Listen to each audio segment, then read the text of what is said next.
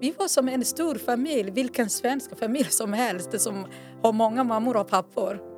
Och då var, jag tror att det är det som gjorde att det var lätt att, att komma in i samhället på något sätt och känna sig hemma. Välkommen till Härnösandspodden ska du vara. Där vi berättar mer och längre om någon vi har skrivit om i magasinet Jippi Härnösand. En podd där folk får prata till punkt. Där vi får lära känna Härnösands doldisar och kändisar. I Härnösandspodden får ni höra det som står mellan raderna i Jippi i en uppriktig och nyfiken form. I Härnösandspodden får du möta Hibo Abdullahi och Jasenko Omanovic. Två kända politiker med bas i Härnösand. Hibo har just lämnat kommunfullmäktige och Jasenko riksdagen. Två erfarna och länge aktiva politiker. Hibo som miljöpartist och Jasenko som socialdemokrat. Men i Härnösandspodden ska vi inte prata partipolitik utan vad som förenar människor från olika kulturer. Människor som också kallar sig Härnösandsbor. Och naturligtvis kommer vi att prata om betydelsen av Fem i tolv-rörelsen där ni båda sitter i styrelsen. Välkomna till ett spännande poddsamtal som vi har framför oss. Först och främst Tibo, hur känns det att lämna kommunfullmäktige och politiken efter så många år? Politiken har jag inte lämnat, men jag har lämnat kommunfullmäktige. Och det känns det bra att det kommer in flera nya. Mm. Vad var det som gjorde det? Var det det att släppa in andra eller var du färdig? Nej, jag är aldrig färdig. Eller känns inte att jag är färdig. Men eh, jag tycker att de andra måste också få möjligheter. Och jag är med, men eh, lämna platsen till någon annan som inte har varit med lika länge som jag. Samma fråga till dig, Jasenko. Hur känns det? Du valdes ju in i riksdagen 2006. Ja. Alltså jag, jag och, uh, valdes ju några gånger efter det. Det var inte så att jag sagt i 16 år, utan det, usch, ja, det var omval. det var ju omval några gånger däremellan. Eh, det är ju bra för... Eh, eh, ja, men alltså jag känner ju ungefär eh, som, som Hibo säger eh, att det är ju väldigt klokt det hon säger. Liksom man, man behöver ju eh, nytt folk, nytt tänk, för det, det är en del av demokratin. Att, att man liksom inte sitter alldeles för... Och jag har suttit 16 år, så det får ju, får ju duga. Och samma här, 16 år. Och jag tänkte också precis som dig. Ja, vi ska återkomma till era nya liv. Men det är klart att det är många som är nyfikna på era bakgrunder. Även om ni har varit Härnösandsbor i många, många år. Ska vi börja med dig, Ibo? Du kommer ju från ett land som kanske inte många överhuvudtaget har besökt, Somalia. Kan du berätta lite grann om, om den stad du växte upp i? Jo, jag växte upp, föddes och växte upp i Mogadishu, huvudstaden i Somalia. Och där lämnade jag när jag var 12 år gammal på grund av kriget. Och eh, precis som du säger, att det är inte många som har besökt... Och ibland känns det att det är inte många som vet heller, eftersom det är krig i många år där, som vet så mycket om Mogadishu. Och det är ett land som är otroligt fint och vackert, men eh, det händer mycket. Det har varit krig i många, många år. Och det är det som har gjort att jag kom hit som 15-åring. Vad var det som hände då, då dig? Att kriget i norra Somalia var krig sedan i 90, nej, 86. Och 91 då började kriget i Mogadishu också, eller södra Somalia. Och 93 då var jag tvungen att lämna i södra Somalia. Men i Mogadishu lämnade jag 91 på grund av att det var krig och vi kunde inte leva där. Om jag börjar berätta, det kommer att ta flera dagar, sen vi går inte in. Men det var på grund av kriget. Men du blev skadad där? Jag har skadat och jag har skadat i ett ben. Och det benet kunde man inte rädda. Under knän amputerade man bort det benet. Var gjordes och det någonstans? I... Det gjorde man i Kismaayo, tredje huvudstad i Somalia. Där gjorde man den. Och då var du hur gammal? 12 år. Och eh, Jag hade ingen sån här protestbön under tre års tid. Men min första fick jag i Addis Ababa, Etiopien.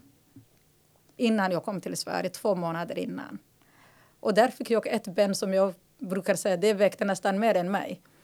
Jag var liten, 15-åring, ganska smal. Och den var, det var Röda Korset som hjälpte folk som inte hade ben och sånt, att hjälpa dem. Men det benet var ett ben som var flera, flera kilo, sju kilo ungefär. Som när man kollade i Sverige när jag kom. Jag kan bara säga att Addis Abeba var jag i 1972 och jag har faktiskt varit ute vid Avarsfloden på gränsen mot Somalia. Ja. Oh. Och det är vackra ja, det är östra Afrika. Det är väldigt spännande geografi. Ja. Längtar du tillbaka? Jo. Alltid? Mm. Nej, inte i Mogadishu i alla fall. Där jag kommer ifrån, där har hänt mycket och jag har så mycket sån här att eh, min barndom var fantastiskt bra med familj. Men jag förlorade en bror och det var, hände jättemycket. Men, och där vill jag inte åka. Men till, så, till norra Somalia, där man kallar idag Somaliland. Dit brukar jag åka. Där finns mina föräldrar idag. Vad spännande. Vi får återkomma till det. Jasenko, har du varit eh, på den afrikanska kontinenten? Jo, men inte på den sidan. Jag har varit i Sydafrika och uh, Marocko. Uh, men inte, inte på, uh, i Somalia. Om vi pratar om din uppväxt, då var det Jugoslavien från början? Jo, det var Jugoslavien. Banja Luka, närmare sagt näst största staden i, i Bosnien-Hercegovina.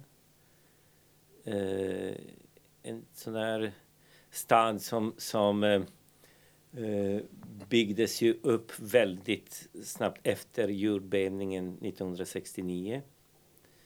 Eh, som uh, var också en sån här industristad. Eh, den är nu, tror jag, på 300 Alltså det är ungefär, ungefär lika storleken som Malmö kan man ju säga. Eh, kanske lite mindre, men, men där någonstans. Men ändå en storstad? Ja, det var ju... Ja, om man jämför med Härnösand det var ju det. Mm. Hur var din uppväxt då? Ja, det var ju... Eh, ja, tre, tre, trevlig uppväxt liksom. Det var ju förskola, skola, eh, gymnasiet och börja på universitetet. Liksom, det, var ju, det var ju liksom va vanligt liv med mamma och pappa och sådär. Så det var ju... Fanns det någon föraning om vad som skulle kunna komma att hända helt plötsligt? Alltså min generation... Uh, du är född 1967 ska vi säga. 67 är jag född. Så min generation 60-talister har vi inte alls annat det där utan vi var ju, vi växte upp, jag brukar säga liksom i Banja Luka fanns det ju den, den ortodoxa och katolska kyrkan, de är ju liksom intill varandra, de största två. Eh, och, och då kunde man ju den, den eh, 20, eh, 24 på kvällen eh, december vara på, på, eh, eh alltså på en mässa och så 6 januari på den andra, liksom, eller när det var uh, uh, Bayram, alltså efter Ramadan månad, kunde man ju åka till, till den gamla moské som vi hade. Det var, fanns ju flera också, men, men det var en centralt uh, i, i staden. Så, så man kunde liksom besöka allt det här och få en del av allt, allt detta liksom som, som naturlig del av, av vardagen. Alltså flera olika religioner, flera ja, olika kulturer? Ja, ja, ja, ja. Vi hade ju i min, eh, alltså det var ju alla de religioner jag nämnde ju liksom eh, och, och, det fanns ju det fanns ju sånt som det fanns ju liksom minoriteter. Det fanns ju Ukraina i min i, gymnasieklass gick ju en ukrainare och en italienare. Så det var ju liksom väldigt många andra. Eh. Ja, men jag tänker på det, alltså, när du säger det och även med din bakgrund Hibo. Alltså, idag har vi nya flyktingar, senast nu från Ukraina som kommer till Härnösand. Alltså, hur berörs ni av ett krig i vår absoluta närhet? Vad säger du, Hibbo? Eh, om man frågar mig dagen före, innan kriget börjar på kvällen, då har jag också sagt när jag också på nyheterna att det kommer att vara krig. Nej, det kommer inte hända. Det är Europa 2022. Nej, aldrig. Det är så nära oss. Och sen när det började, det gjorde verkligen ont. Jag trodde inte. Och att se så många barn som flyr med sina föräldrar eller utan föräldrar, det, var, det känns det Ibland känns det att jag är på dröm på något sätt, att det inte är verkligheten. Även om på mitt jobb finns det jättemånga som kom därifrån. Men eh, det är skrämmande. Det är så sjukt. Och du upplevde det här på 90-talet och nu händer det igen. Alltså jag var ju, apropå uh, vad man fanns dagen innan. Mm. Jag var ju uh, i svenska Sweden House i, i uh, Wien med OSSE-delegationen. Så vi satt ju med militära attachéer och allting och, och diskuterade den situationen. Dagen efter skulle vi möta både Ryssland och Ukraina representanter, delegationer eh, på, på OSSE möte i Wien, alltså den årliga vintermötet i Wien. Du, du, kanske ska förklara för de som ändå inte vet vad OSSE står för? Ja, ja alltså Organisation för samarbete och säkerhet i Europa och mm. den bildades ju faktiskt eh, eh på 70-talet när, när man liksom eh, skulle ju eh, ändå kunna kommunicera trots kalla kriget. Den skulle kunna hitta en plattform och, och eh, det var ju OSSE-plattformen hela tiden. Under det. är ju bland annat mest känt för att valobservationerna som, som man gör. Men, eh, men gör väldigt mycket för, för att kunna samarbeta länderna emellan. Och den, det är 57 länder som är medlemmar. Men när ni sitter där då den 24 februari, mm. hur är stämningen? Alltså väldigt, eh, eh delvis chockartad, delvis eh, eh, spänd. Eh, man hör ju, och jag fick ju, apropå att, att eh, kriget som jag hade, jag fick ju nästan känna igen att det dyker upp bilder, det dök upp bilder de som jag hade ju från, från, från Jugoslavien-tiden för att liksom just retoriken kände man ju totalt igen. Liksom när, när ryssarna säger att vi måste försvara Ukraina från eh, eh, nazisterna och, och, och, det kände man ju igen i Jugoslavienkriget, exakt samma argumentation. Eh, och så, så, så, så det blev ju lite, lite... Dessutom satt jag med en kollega från Gotland som fick ju bilder från eh, eh, gammal svensk by i Ukraina eh, som var också... Eh, eh, så det, det, var ju väldigt tungt, väldigt tungt då. när du lämnade, först sa du från Mogadishu till södra Somalia. Kom du raka vägen från Somalia till Sverige eller hur fortsatte din flykt? Nej, jag bodde kriget i Somalia under tre års tid först. Och sen åkte vi till Addis Ababa. Och från Somalia till Addis Ababa, det var, ja det tog flera, ungefär, kanske tre veckor ungefär att komma dit med bil. Och sen, och sen från, åkte jag och med flyg. Från Etiopien till? Till Sverige med flyg. Var landade du då? Vet du, jag vet inte faktiskt om jag ska vara helt ärlig. Det är något land som vi var där ungefär kanske en timme, två timmar. Vi satt i flyget fortfarande. Det, jag vet inte hur lång tid var den heller. Sen kom jag till Arlanda. Jag vet inte hur lång tid den tog. Oh. Och sen från Arlanda? Till eh, något polisstation i Stockholm. Till Uppland Väsby eller Karlslund, till Härnösand. Och då var du 15 år och kom till ett ungdomshem som ett gruppboende som blev faktiskt ditt hem. Ja, precis. Vad betydde det? Och otroligt mycket. Det var fortfarande när jag är på utmarksstigen då brukar jag tänka oj, det är mitt hem, mitt gamla hem. Och det är så... Jag kan inte beskriva hur det känns. Men du sa att du har dina föräldrar nu i, i Somaliland. Ja. Men kom du hit alldeles ensam? Jag kom helt ensam. Men det var, jag var inte ensam att komma till Sverige. Jag var med smugglare. Men jag kom ensam och hade ingen familj. Och när du kom till Härnösand, kände du någon här då? Nej. Ingen. Och inte när jag kom till och Stockholm och Uppland Väsby.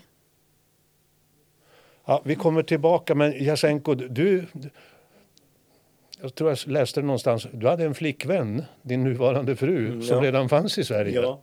Hade hon flytt hit eller lämnat? Hon hade ju flytt hit eh, och sen, sen kom jag hit på grund av att hon var ju här. Eller tack vare? Ja, eller tack vare det.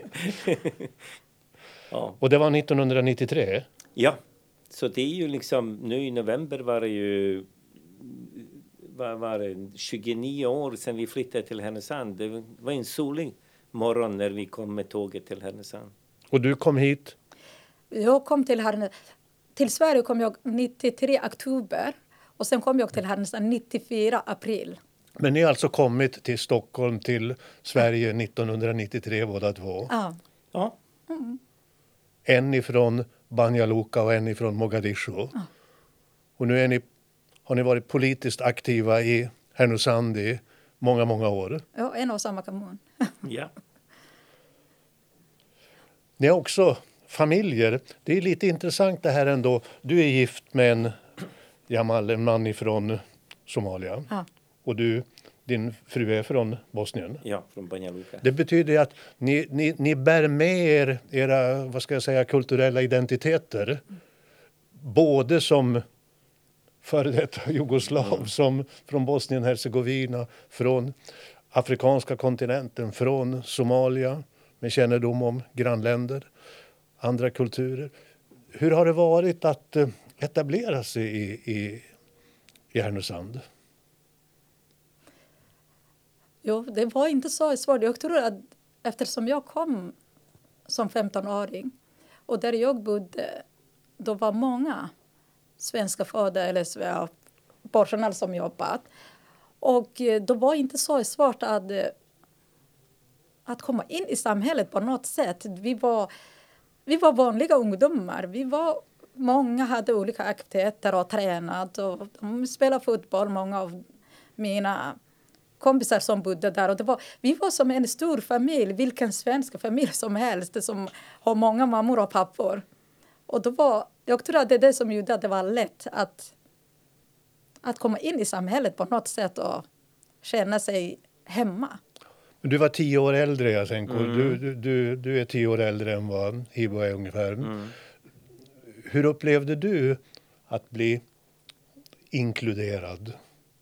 Alltså, vi hade ju lite annorlunda situation alltså, i och med att vi hade ju inga föräldrar och ingenting utan eh, så, så det blev ju lite grann att, att eh, eh, vi var ju själva och det som, som, som eh, var ju lycka för oss två eh, är att vi, eh, min fru och mig, alltså träffade ju faktiskt en svensk familj fick ju, det var ju det var faktiskt så att en, en, fick ju i flyktingförläggningen fick vi ju i, slu, i slutet alltså lite svensk undervisning och då säger ju lärare Håkan, ja, jag känner en kille, Röjne heter han, alltså i, i Härnösand. Du kan kontakta, här är telefonnummer. Och så försökte vi kontakta äh, äh, Röjne och så var det ju så att äh, Berit och Röjne kom ju hem till oss och så bara vi träffas så blev det verkligen så där att eh, det som var bra är att öppnade sitt nätverk, sitt, sina liv, de inkluderade oss.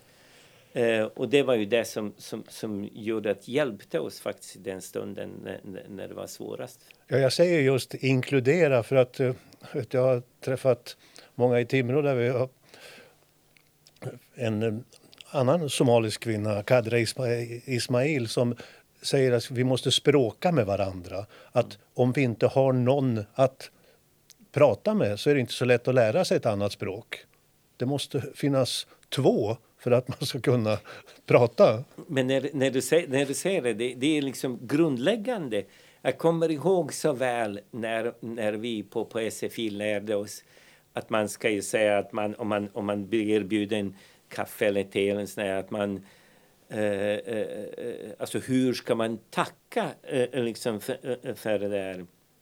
Och då, säger, då kom jag på kvällen och så sa jag till, just till Rönneby, jag föredrar kaffe framför te. Så här. För, för jag fick ju lära mig det på, på eh, SFI. Och, så fick jag, liksom, och det är ju så, så, eh, så, så nu idag är det så att man skrattar åt det. Men det var ju, det var ju viktigt då alltså för att kunna faktiskt kommunicera med folk. Och du hade någon att, Ja, att alltså, använda absolut. din fras Absolut. till. Absolut.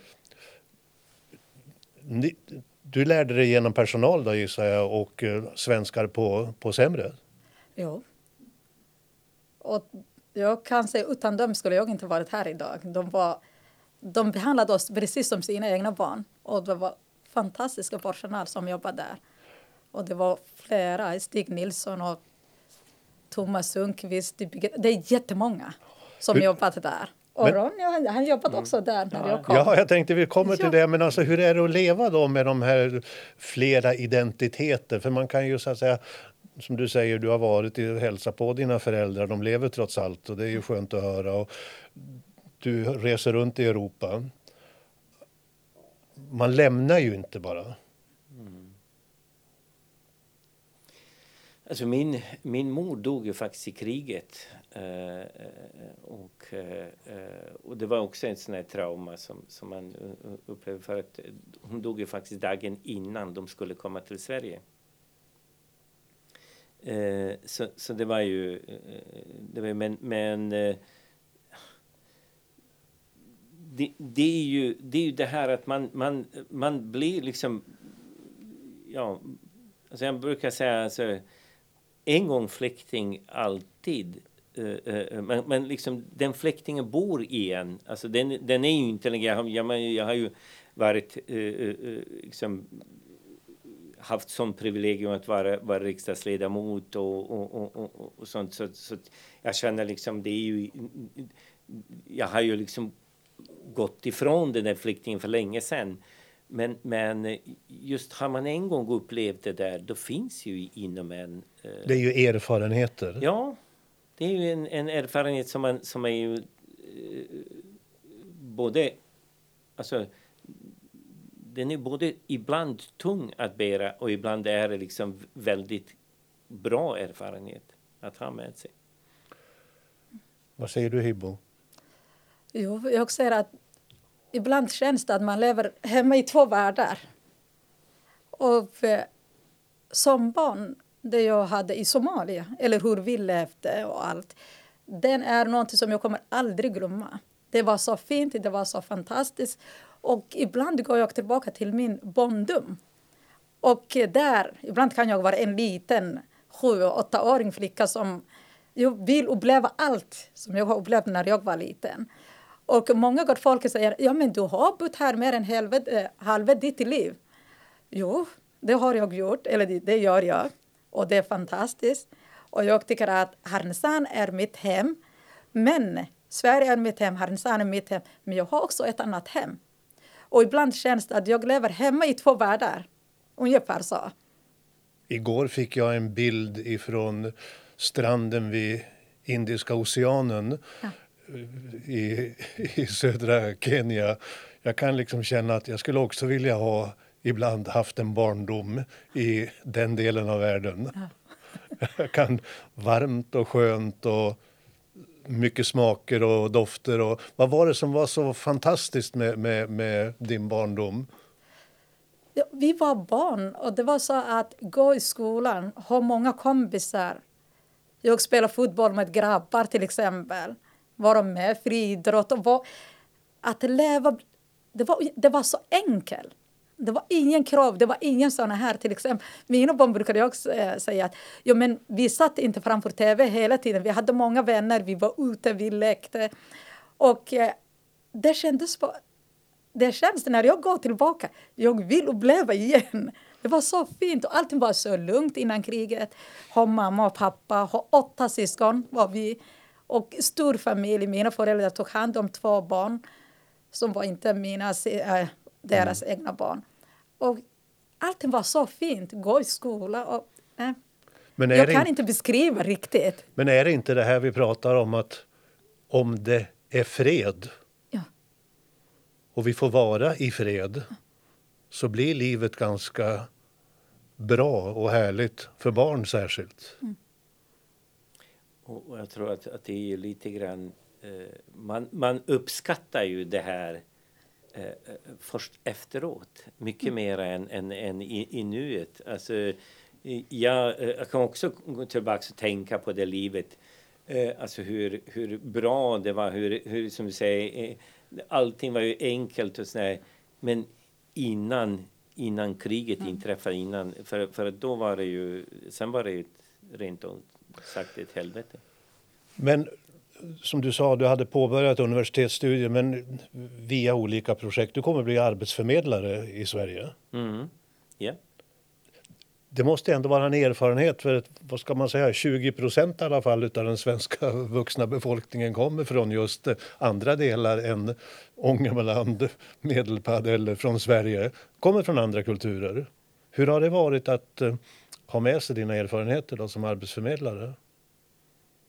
Ja, det var ju, det var ju alltså jag, jag ser ju nu, nu, nu när man ser ju efteråt, jag var inte arbetsförmedlare så lång tid i, i, i mitt yrkesliv, men det var ju verkligen, verkligen eh, bra eh, eh, eh tid. Alltså att, att an, använda det. Jag, ja, men, jag var med och, och startade arbetsförmedlingen ute i Birsta i Kanohuset och, och, och var ju med, med och, för jag jobbade i Timrå då. Mm. Liksom. Eh, och, och, fick väldigt bra kontakt med väldigt många eh, fina alltså människor, företagare, Eh, eh, eh, även de arbetslösa var ju liksom verkligen fanns det en, en fin, alltså, fina kontakter, fin anda ska jag säga, i, i, i Timrå. Då. Nej men det är sant. Sen har du haft det som man säger förtroendeuppdrag. Du har varit vald som riksdagsman. Ja. Yeah. Blev du vald att bli behandlade på Semnet? Var det liksom en naturlig följd av att du hade växt upp på det där hemmet, att du fortsatte att jobba där? Nej, faktiskt inte. Jag jobbat innan jag började på Semret. Då jobbade jag extra inom äldreomsorgen på Solenskolan, sex års, på eftermiddagar då efter skolan. Jag var på andra ställen. Men sen var det så att Mats Bäckman som jobbat där, då ringde han en dag och frågade om jag kunde vikariera där. Och då sa jag att ja, jag har det och det jobbet och jag går gymnasiet nu, jag har inte så mycket tid men ja, jag säger till när vilken helg som jag kan jobba och så. Och då fastnade jag där.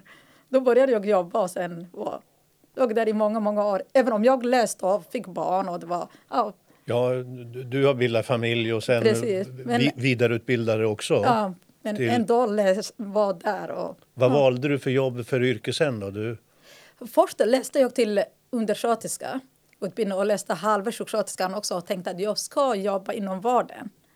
Men det blev inte så långvarigt. Jag jobbat ganska kort där. Eller in, under tiden jag läste jobbade jag där, vikarierat och sånt. Men eh, sen tänkte jag nej, jag ville alltid jobba med barn och ungdomar, barn speciellt. Och jag sa att, och då var så att jag skulle jobba på avdelningar. Det var därför jag ville jobba inom vården. Men eh, sen när jag fick jobba på Sämre, eller fick den chansen, då kom ganska många små barn också. Vi fick de som var 12 år, några som var yngre och några som var äldre. Och då började jag att ja, men det här jag vill jobba. En som kände, jag får, en, jag får en tanke, en som kände ungefär som du, jag vill bry mig om andra ungdomar och det var Sara som startade Fem i tolv för att hon ville öppna dörren för andra flyktingar. Och för mig var så att jag fick så mycket hjälp när jag, var, när jag behövde hjälp. När jag var mest skadad, både psykiskt och fysiskt. Och då tänkte jag, när jag kom dit och såg de här ungdomarna och jag bodde inte där. Det var efter när jag flyttade, några år efter. Då tänkte jag, nej, jag ska hjälpa de ungdomarna lika mycket som de personalen hjälpte mig där. Fem snabba frågor. Vilket språk drömmer du på? Vet du, det är mer svenska än somaliska. Eh, drömmer på svenska. Vilken är din favoritmaträtt? Och svenska pannkakor. Jag är, eh, alltså jag har flera. ja. Alltså, jag är svag för pannkakor också. Eh, men, men eh, jag tycker att, att eh, alltså, jag tycker om lax faktiskt. Och om cevapi. Alltså från... Bästa med Somalia? Och musiken. Och människorna. Jasenko. Bästa med Bosnien? Bästa med Bosnien är ju naturen och uh, människor. Och bästa med Härnösand? Naturen och de här världens finaste människor som jag möter överallt. Bästa med Härnösand uh, är ju sommaren faktiskt.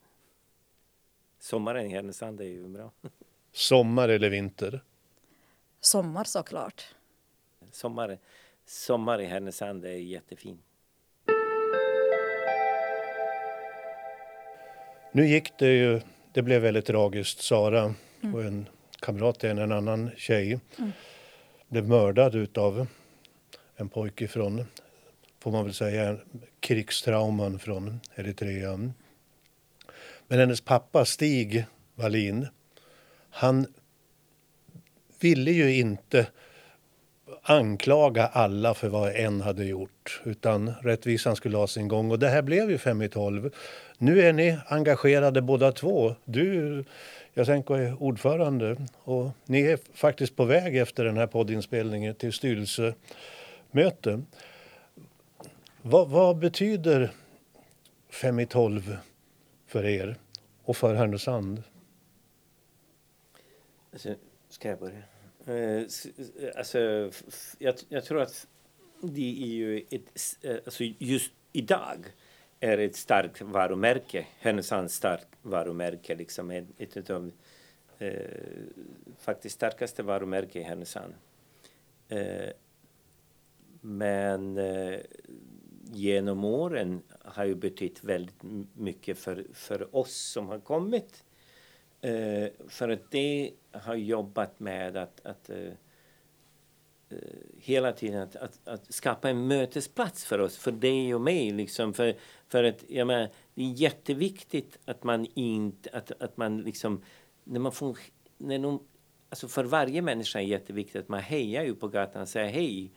Och det här är ju liksom, när man träffas ju på den här mötesplatsen då kan man ju nästa dag se, se en människa som man träffat på, på 15 och säga hej. Och det betyder ju för den man, man eh, som inte är från Härnösand, för den som inte har något nätverk väldigt mycket.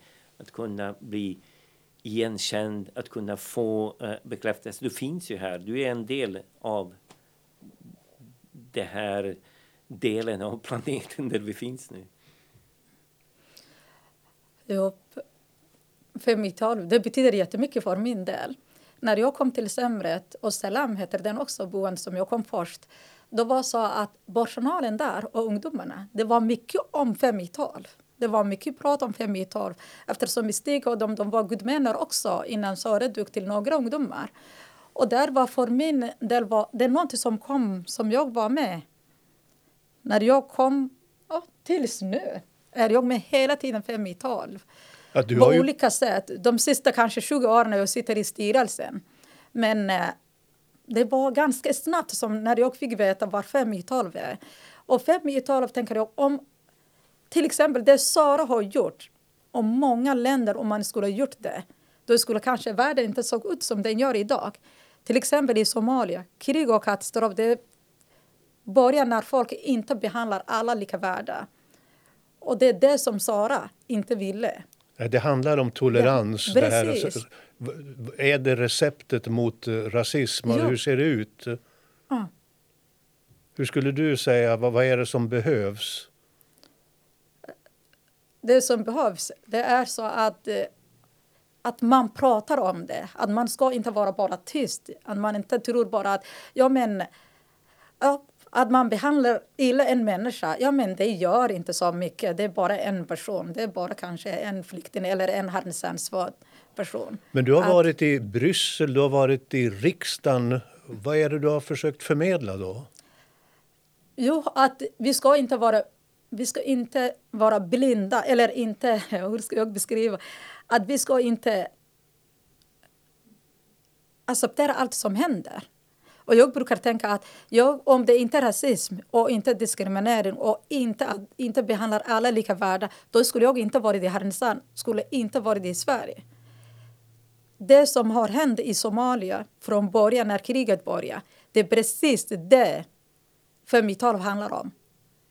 När olika klaner, olika grupper Precis. vänder sig mot varandra? Ja, att man, har, att man tänkte att ja, men de här människorna ska inte ha till exempel någonting med politiken att göra. Eller de är inte lika värda som oss. De här klanerna de är mindre värda än oss. Det är det som börjat kriget i Somalia. Och det är det vi inte vill ha här i Sverige och inte speciellt 5 i 12. Och det var det Sara sa, att de här ungdomarna som man behandlar lite annorlunda. Du sa att det här är ett starkt varumärke, Jasenko. 34 år senare lever det kvar. Men ni hade ändå någon slags krismöte efter valet och både var besvikna och funderade på hur ska 5 i 12 ta sig vidare. Vad är det ni har kommit fram till? Alltså, eh, det är lite grann eh, att den här, det fanns ju en del frustration bland våra medlemmar, bland, bland, bland människor eh, vi eh, umgås med för, för att man eh, eh, liksom helt enkelt var inte nöjd med det. Men varje, varje alltså nöjd med det, hur blev det med valresultatet och allting. Och så att, att kunna, kunna ändra eh, det det, eh, alltså, då kan man inte bara fortsätta vara frustrerad. Då måste man ju engagera sig och, och, och, och på något sätt liksom vända den frustration till engagemang. Och det var ju det vi eh, försökte. Men det finns, ju, det finns ju som någon på det mötet uttryckte, jag kommer inte ihåg vem det var. Men det här är en sorgtid som vi måste sörja nu lite grann. Och det är ju det är, det är liksom när man kämpar för en sak och så får man ju lite alltså bakslag på, på, på, det, på det som man tycker. För, för att i det här, eh, vi har ju haft, man ska säga, vi har ju i 5 i 12 styrelse under den tiden jag har suttit, vi har haft folk som har varit engagerade i alla partier förutom Sverigedemokraterna om man ska prata klarspråk. Men alla, eh, alla har ju funnits med och det är ju inte de, de politiska åsikterna det utan det, är ju, det lägger vi åt sidan när vi, när vi är ju i, i 5 i 12. Det är ju inte det primära. primära är liksom att, att uh, få alltså kampen för alla människors lika värde. Liksom. Det är det som är ju att kunna faktiskt, och det inte, handlar inte om kampen utan bara om du och jag möts någon gång, då kommer vi att inse att vi har mera likheter än olikheter. Fem i, fem i tolv är ju ett slags uttryck att det är bråttom, klockan mm. tickar. Mm. Men fem i tolv är också FNs internationella dag för volontärer, frivilligdagen. Hur ser engagemanget ut idag i Härnösand, 34 år? Alltså, vilka kommer, vilka kommer bära det här arbetet? För ni berättar ju väldigt kärleksfullt om era uppväxter innan krig toleransen, mötet mellan människor är vad Fem i 12 strävar efter. Hur ser uppslutningen ut nu? Hur ska vi... Kan Ukraina vara det som ni behöver fokusera på? Alltså, vi behöver fokusera på, äh, återigen, uh, alltså, på, på, alla människor, inklusive uh, väldigt många ukrainare nu som, som finns ju här i, i, i Härnösand och i Sverige och, i, och, som är på flykt och som är ju just nu utsatta. Men det finns ju faktiskt hundra miljoner flyktingar runt om, om, om i världen. Så, så att, Eh, och, och, därför är de, de som finns i Härnösand, vi som finns i Härnösand. med, vi konstaterar att vi, vi har ju varit eh, Alltså båda två Härnösandsbo i 29 år. jag, eh, jag är inne på mitt 30 året i Härnösand. Och, och, och jag, menar, jag träffade en, en, en infödd svensk som jag berättade här för en, en kompis. Ja, men du har bott i Härnösand längre än vad jag har bott. och, men det är, det är lite, vi behöver ju skapa en, en, en, en plats där vi faktiskt, om vi bara får, får träffa varandra, om vi börjar prata med varandra då är det inte om varandra utan med varandra. Ja. Då kommer vi att uppnå mycket mer. Men just det här att Fem i tolv också är frivillig dagen, volontärerna. Känner ni att det finns en ny generation av tonåringar, säger vi, som är beredda att engagera sig som Sara gjorde på 80-talet? Jo, det tror vi och vi hoppas. Eftersom det, det vi gör... Det, vi vill alltid att ungdomar kommer in på styrelsen till exempel. Att de ska vara med oss, barn ska vara med. Och eh, jag tror att det kommer många ungdomar på framtiden, mycket mer än det gör idag. Men det som jag saknar nu är att skolorna är inte lika engagerade som tidigare. Och det är där jag är lite besviken, att man inte tänker att man tänker att ah, vi har gjort allt. Men de som är vår framtid, det är ungdomarna, barn och unga. Och det är de som vi ska lära. Det som vi verkligen inte vill att det ska hända. Och där saknar jag lite grann, men jag tror att det kommer många ungdomar som kommer att engagera. Där jag är med ungdomar, jag alltid berättar om fem i tolv och hur viktig den här är. Alltså jag instämmer. Det är ju liksom, det är ju, unga är ju viktiga för de, de är liksom eh, de är ofta eh, eh, kommer in med rena känslor och, och, och, och är ju eh, oförstörda, håller på att säga. Mycket mer än vad vi vuxna är. Men, men, men det är, jag fick ju frågan någon gång om, om eh, ja men alltså, ja behövs ju fem i tolv? Eh, fick den frågan. Liksom, kom, behövs, ju, behöv, behövs ju det här att skolorna är med? Behövs, och jag menar, det är ju, man, kan, man kan ställa sig frågan, behöver vi lära oss av historien? Och, och vår egen, det här är vår egen Härnösands historia. Behöver vi liksom, eh, eh, eh, ska vi inte lära oss, oss någonting av det? Och det, det tror jag absolut. Svaret är absolut. Mm. Det var väl det pappa Stig sa lär vi oss inte av det här och fortsätter, då har vi dödat Sara på riktigt. Exakt, och det är ju, det var ju, alltså man måste ju i, i sammanhanget måste man ju säga alltså vilken människa både Stig och Eva. Eva mm, Ska vi lyfta för båda två äh, äh, var ju fantastiska. Uh, och jag är glad att vi har haft dem, alltså båda som, som vänner, som, som en del liksom, eh, som, som har ju liksom lärt känna.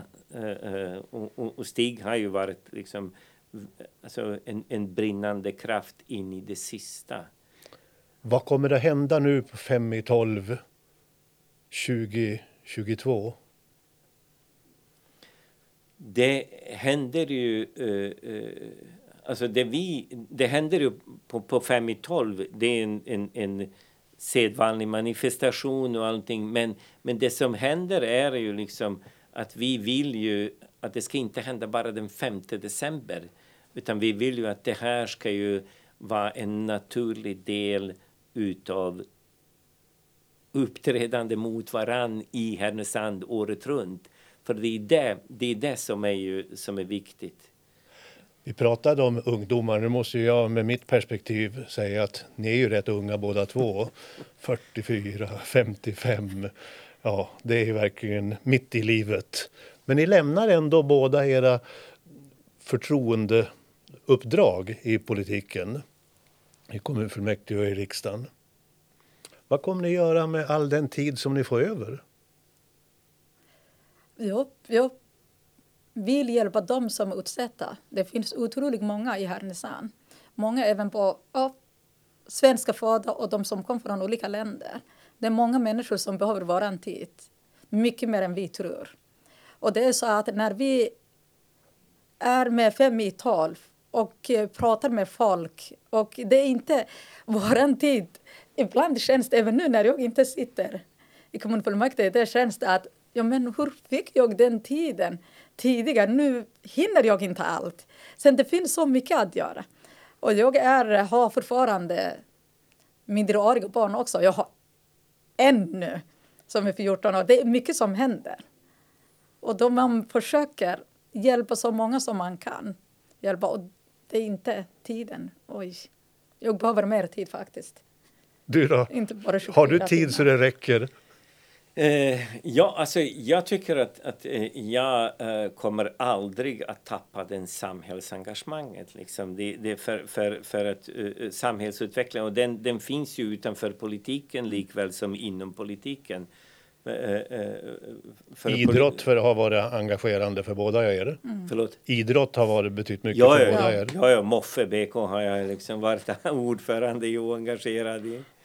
HHK och eh, BIK. Ja. Och även HSK har jag haft också mina Ja, barn. det är bara och Moffe förkortningar. har jag också haft mina yngre Ja, ja. syskon som... Det är Och bara förkortningar. Det är men det är skidor, det är handboll, det är Ja, fotboll. precis. Ja, jag har Ja, varit ja, ja. också i hockey. Och, och så Ja, här, så det är mycket. Friidrott och det är jättemycket. Men vi är ändå nyfikna på vad ni kommer att göra. För som sagt var, ni är mitt i livet. Hibo, du blir fortfarande Härnösandsbo. Ja. Jag kommer att vara Härnösandsbo. Jag, det in, jag har inte tänkt att jag flyttar från Härnösand. Härnösand är min stad. Det är mitt hem. Och jag har bott här mer än jag har bott i Mogadishu eller i Somalia överhuvudtaget. Och här är, jag brukar säga jag är en Härnösandstjej. När jag vill låta lite ung. Och du, Jasenko, vart tar, din, vart, tar din, vart tar din familj vägen nu? Alltså, min familj består just nu hemma och, och fru och mig. Eh, Sönerna har ju liksom flyttat ut. Eh, så, så att, eh, ja, vi är ju vi är Härnösandsbor. Det är väl ett bra slut. Mitt i livet och fortfarande engagerade Härnösandsbor. Absolut. Tack för att ni var med. Tack. Tack. Du har nu lyssnat på Härnösandspodden. Intervjun gjordes av Dag Jonsson. Ljudtekniker och producent var Martin Sundqvist på Alltid Marknadsbyrå. Musiken är gjord av Joel Nyberg på Lejonbröder. Fler avsnitt hittar du på www.harnosandspodden.se. Vem vill du lyssna på? Tipsa oss på info at